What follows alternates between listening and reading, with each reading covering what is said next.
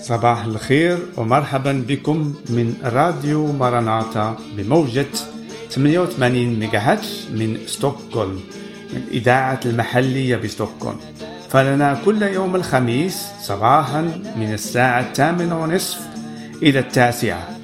نرسل من هذه الموجة. فأهلا وسهلا بكم. أخواتي أخواني.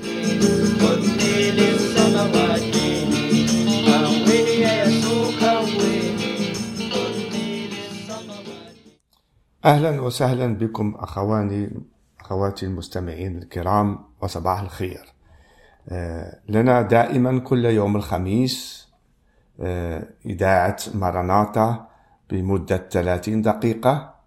آه، نؤد عن نتكلم عن المسيح عن الرب المخلص. نعم. فنشكر الله على هذه الفرصة العظيمة اللي بها نتكلم عن ملكوت السماوات عن الحياة التي هي تعطي رجاء كاملا في حياتنا. آمين. اليوم سوف أحب نقرأ بعد كلمات من الإنجيل لوقا الأصحاح الحادي والعشرون عن عن العطية. آه، فهي مكتوب بالبداية هكذا باسم الرب. وتطلع آه، يسوع المسيح هذا آه، عندما أتى للهيكل آه، هناك الناس يجتمعون لكي يصلوا ويعطوا عطيات. يسوع فرأى الأغنياء يلقون قرابينهم في الخزانة. ورأى أيضا أرملة مسكينة. ألقت هناك فلسين. فقال بالحق لتلامذه اللي كانوا معاه أقول لكم إن هذه الأرملة الفقيرة ألقت أكثر من جميع لأن هؤلاء من فضلتهم ألقوا في قرابين الله. وأما هذه فمن إعوازها ألقت كل معيشة التي لها.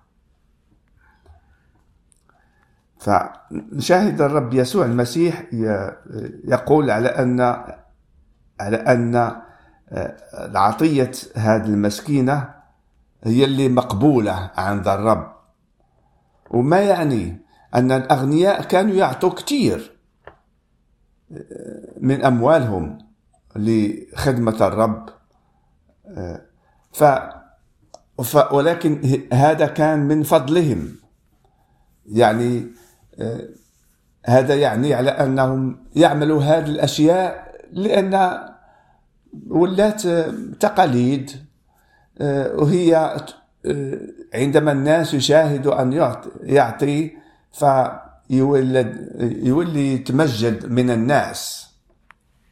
لأن يعطي ممكن يعطي كثير أموال. ولكن هذه الأرملة اللي فقيرة كان عندها فقط فلسين فأعطتها كلها. ومن بعد ما عندهاش حتى بس تعيش. فهنا نشاهد الرب يعني بعينه يشاهد المعطي على أن تعطي للرب وتتوكل عليه.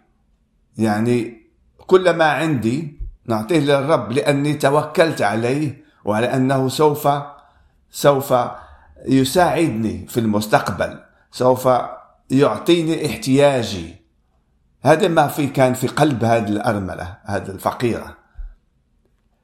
وهذا هو يسرر الله لأن الله ما يحتاج إلى عطيات. هو هو الذي خلق السماوات والأرض. هو اللي عمل كل شيء. الإنسان له الأرض له. الأموال كلها له. ولكن الله يحب الإنسان كيف يسير في حياته بالقلب معه. يعني تتوكل عليه من قلبك وتعطي كل ما عندك. بالحقيقة كل ما عندك وتتوكل عليه لأن هو, هو الذي سوف يعطيك لاحتياجك الحقيقي في حياتك. لأن الله عارف كل الأشياء عارف احتياجنا في حياتنا. هو لما يعطيكش أشياء التي تفسد حياتك. مثلا الغنى الأموال تجعل الناس يمشوا في طريق الخطية الشر. لأن هو مكتوب قال الرب يسوع المسيح المال هو جذر كل خطية نعم. هذا هو ما العالم العالم كله فيه الشر.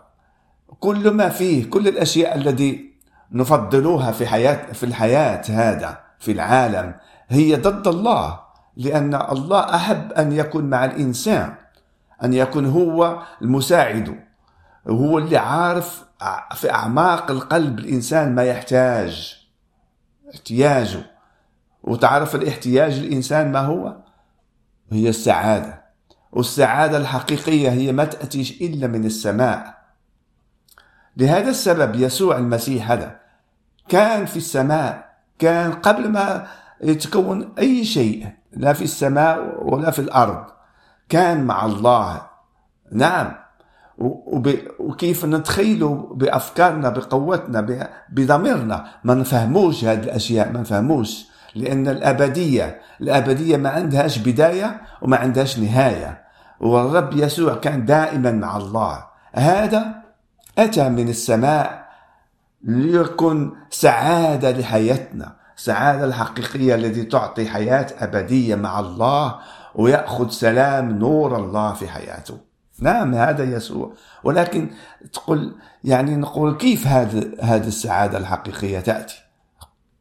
نعم الإنسان خلق بعد آدم. إنسان يخطأ والخطية هي عداوة الله. ولا يمكن الإنسان المخطئ أن يعيش بقرب الله إلا هو مخطئ. فيسوع المسيح أتى لكي يعمل طريق جديدة للرجوع إلى الحياة مع الله. وعلاقتنا مع الله. هذا ما فعلها يسوع المسيح. وتقول كيف؟ نعم. يعني الخطية الخطية تطلب تطلب موت. الخطية لا يمكن أن تبقى. لهذا السبب لازمها نهاية. ويسوع المسيح هذا اللي كان ابن الله أتى وأخذ الخطية العالم. خطيتك أخي أنت وأختي. وخطيتي أنا وخطية العالم. أخذها في جسده المقدس في في حياته الأبدية. وجعلته أن يمشي في طريق الموت ويموت على الصليب. والشعوب هم اللي صلبوه. لم يحبوه لأنه كان مقدس وكان يتكلم ضد أعمالهم الشريرة. لهذا بغضوه العالم بغضوه وصلبوه بطريقة الرومان. لأن في الوقت هذا كان الصليب الإنسان الذي يعمل شر كبير يصلب. وهذا ما وقع ليسوع المسيح. صلب على الصليب وسفك دم دم التمين كما نقول نحن كمؤمنين. دم التمين الذي سفك لأجل هذا لأجل غفران لك. أخي وأختي لأجل الغفران لي أنا وللعالم لكل واحد من يقبل هذا. لهذا هو الإنجيل. ويسوع المسيح قام من الأموات لأن انتصر على الموت قام من الأموات وكان أول إنسان اللي قام مشى من الموت إلى الحياة. لهذا السبب يمكن أنت كذلك يعطيك هذا هذا أنك حياة جديدة هي من الموت إلى الحياة. مش الحياة التي أخذناها من آدم المخطئة التي تجعلنا من الحياة إلى الموت. ولكن يسوع المسيح يعطيك من الموت إلى الحياة. وتقول لي كيف يعني؟ هل تفهم أشياء بسيطة؟ كما قال الرب يسوع المسيح حبة خردل صغيرة نعم. يعني تدفن في الأرض. تدفن في الأرض تموت وتدفن. ومن بعد تقوم وتزهر وتغصن وتولي تعطي تمر. هذا كذلك في يسوع المسيح تموت فيه لكأن تدفن فيه وتقوم من جديد حياة جديدة. هذه ما يعطيك الرب يسوع المسيح. أمين. فهذا ما نرجع إلى الكلمة اللي قرأناها على أن الأرملة هذه اللي ما عندها ولا شيء هي أرملة فقيرة. يعني لا تكسب ولا شيء. كسبت فلسين فقط وأعطت ما عندها للرب. ما أحلى هذا؟ ما أحلى الإنسان الذي يتوكل على الله بالتمام حتى لباسه حتى أكله. حتى كل شيء يكون يتسنى الرب يعطيه ما أعظم. ولكن نعرف على أن يسوع المسيح أعطانا لباس عظيم لباس أبيض. لباس الذي سوف سوف يبررنا به. ونكون مبررين عند الله. يعني على أن لا ولم عشنا ولا خطية فينا. ولا شيء يعني كل الأش... كل الخطية كل حياتنا القديمة دفنت وتمحات يعني. ولنلبس لباس البر العظيم وهو يقول لنا يسوع المسيح على أن أعطانا هذا اللباس لازمنا في حياتنا الآن كمؤمنين بالإنجيل بإنجيل الرب يسوع المسيح أن نعيش بهذا اللباس. نعمل كما قال في الأخ, الأخ بطرس في رسالته الأولى قال أن مشيئة الله ما هي؟ هي أن تعمل الخير وأن وأن تساعد الناس وأن تساعد الأرملة وأن تساعد الضعفاء وأن تصلي لأجلهم للنفوس. هذه مشيئة الله. آمين. آمين.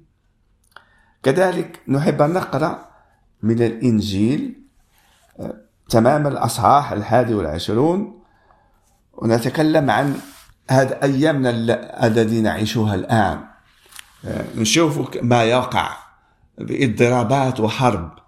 يعني ملك آه، تحارب ملك أخرى ونشاهد زلازل ونشاهد اضطهاد المسيحيين كيف يلقوا في السجن. ويقتلوا لأجل اسم يسوع المسيح لأنهم مؤمنين به. فهذه أيام نعيش فيها هكذا. والرب يسوع المسيح عندما كان على وجه الأرض قبل من يصلب ويذهب ويرجع إلى ملكوت الله للسماء تنبأ بكلمات عظيمة مع تلامذه. نعرف على أن يسوع المسيح قد اختار 12 تلاميذ لكي يعلمهم عن الإنجيل ويعرفهم بالضبط على هو من هو ولماذا أتى وأي وفين غادي ويتنبأ عن الحياة هذه. وهو قال في في الأصحاح الحادي والعشرون ومن من الآية خمسة.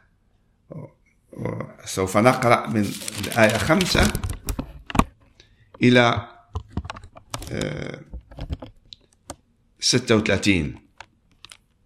آمين.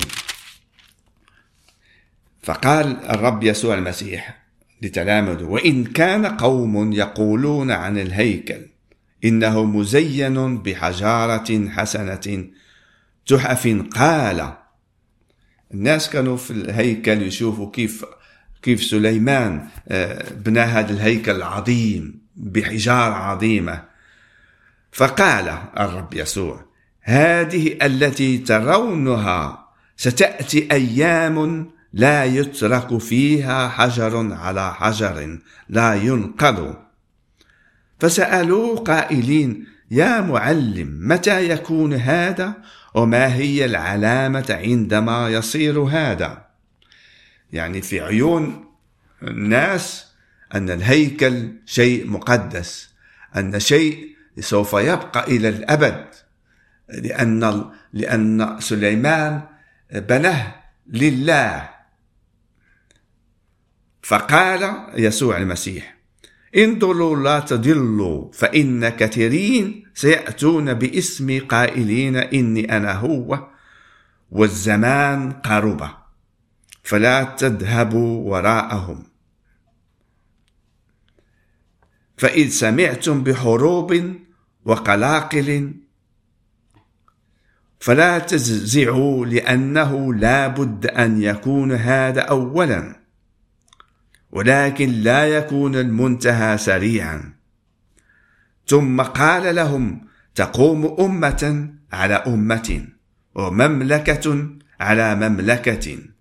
وتكون زلازل عظيمة في أماكن ومجاعات وأوبئة وتكون مخاوف وعلامات عظيمة من السماء.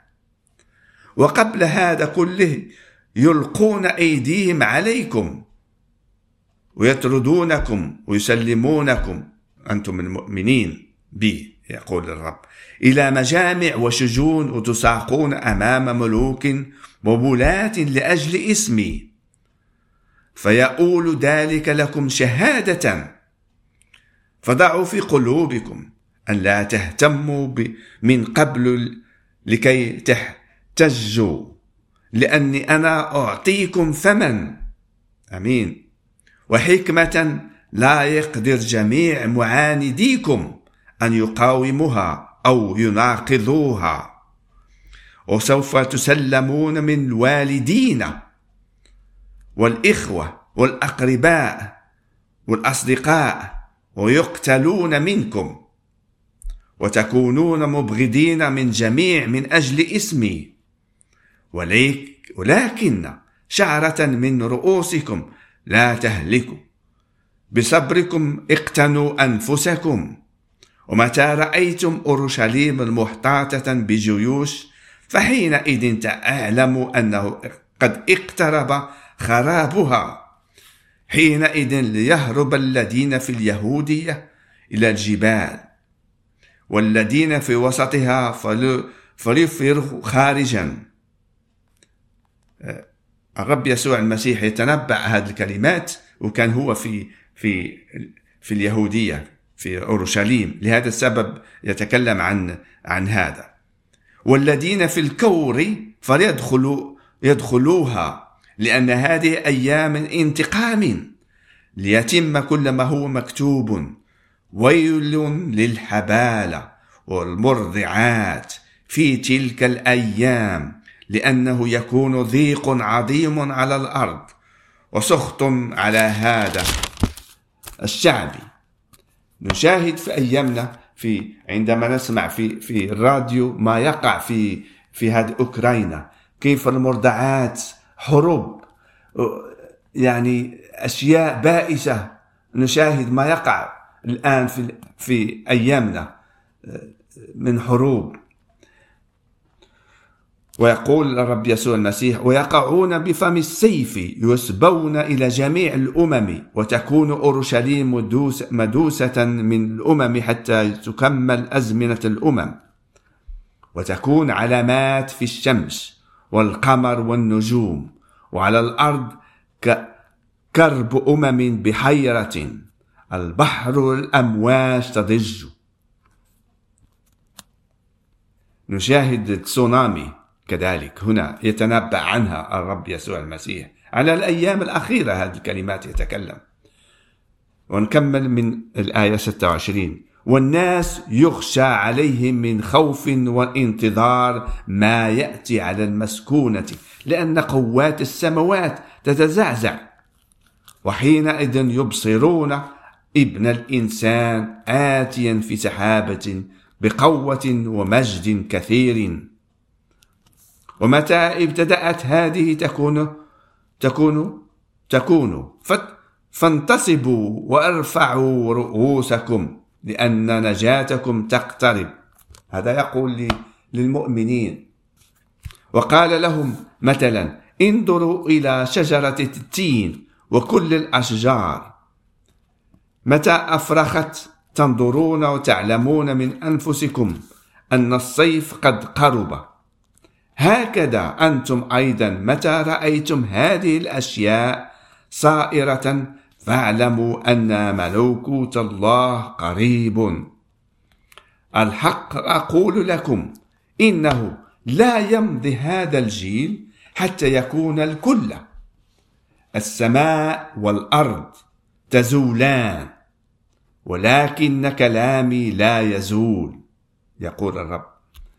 فاحترزوا لأنفسكم لئلا تدخل قلوبكم في خمار وسكر وهموم الحياة. فيصادفكم ذلك اليوم بغتة لأنه كالفخ يأتي على جميع الجالسين على وجه الأرض. اسهروا إذا وتضرعوا في كل حين لكي تحسبوا أهلا للنجاة من جميع هذا المزمع أن يكون وتقفوا قدام ابن الإنسان. آمين. كلمات تفسر لنا عن الأيام الأخيرة. عندما ابن الإنسان آتيا في سحابة بقوة ومجد كثير هذا المسيح الذي قام من الأموات ارتفع إلى السماء هذا بنفسه مرة ثانية سوف يرجع. هذا المرة ما يجيش ك كطفل صغير يعني في في يد مريم بضعف.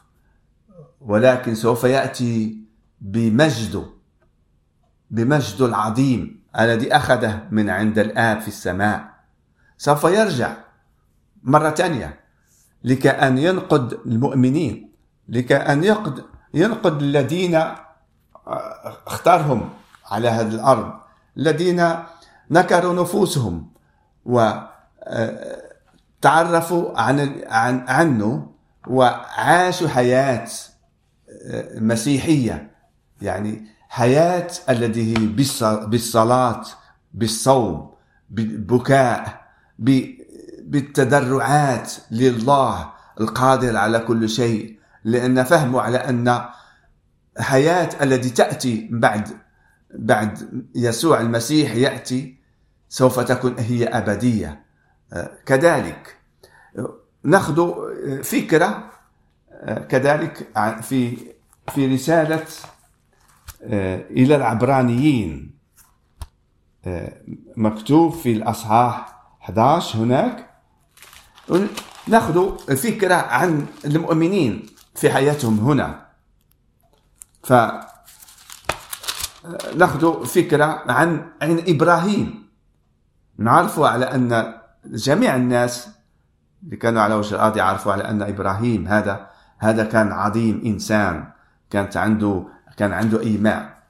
ففي رسالة إلى العبرانيين في الأصحاح الحادي عشر وهذا من الكتاب العهد الجديد العهد الجديد اللي جعله الرب يسوع المسيح بصلبه بقيامته من الأموات آه، حياة جديدة وهذا كان عهد جديد باسم يسوع.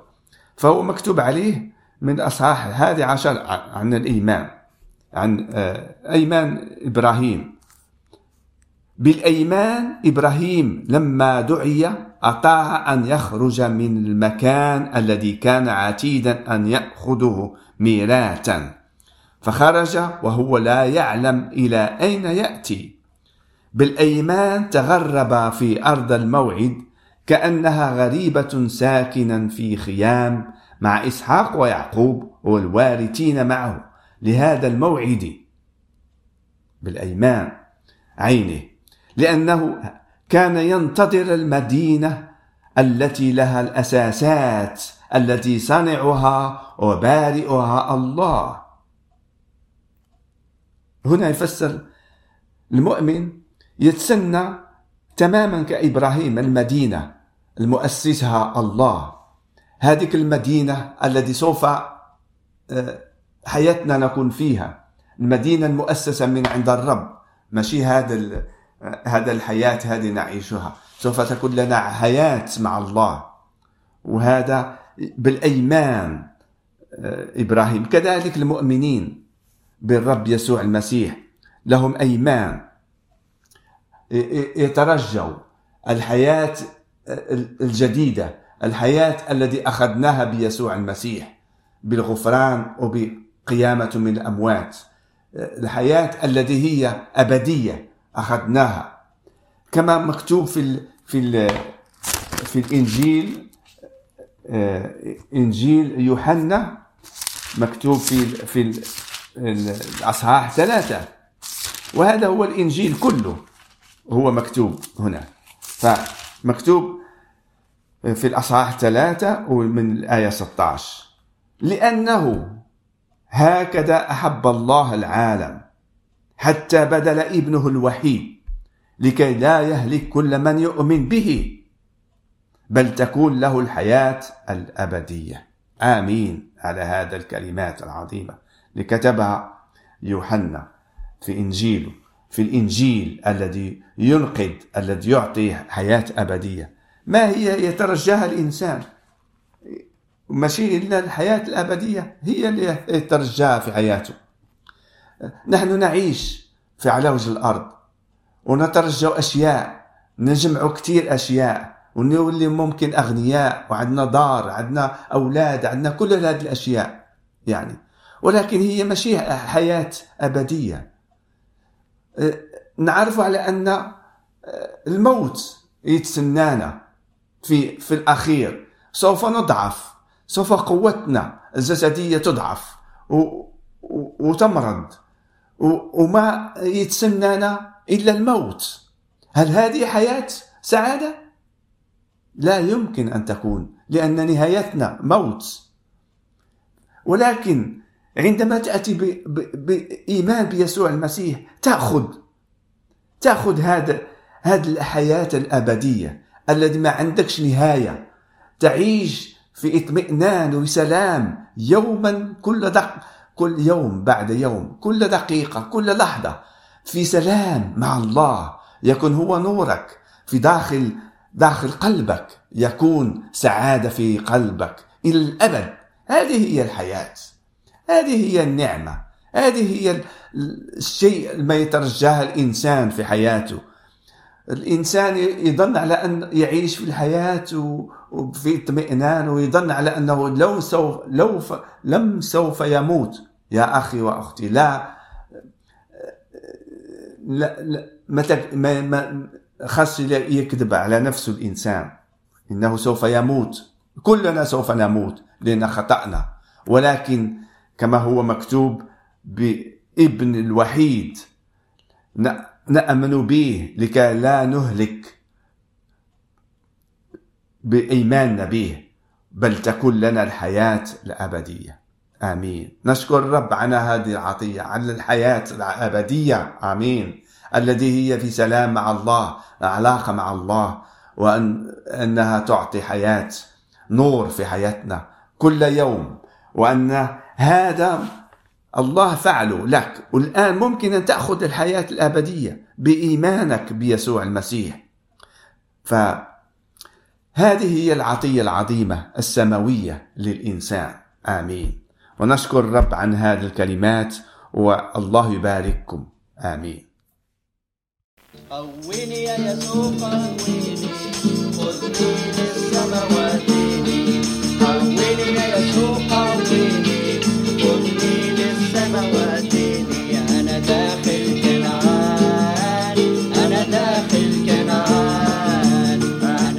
نشكر الله ونشكركم على استماع إلى إذاعتنا من مراناتا من راديو المحلي 88 ميجا في ستوكهولم هل تريد الاعتراف أكثر أو تحب الاتصال بنا؟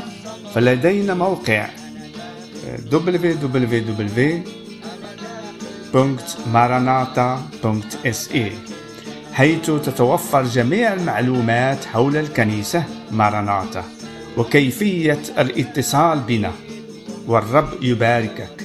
آمين.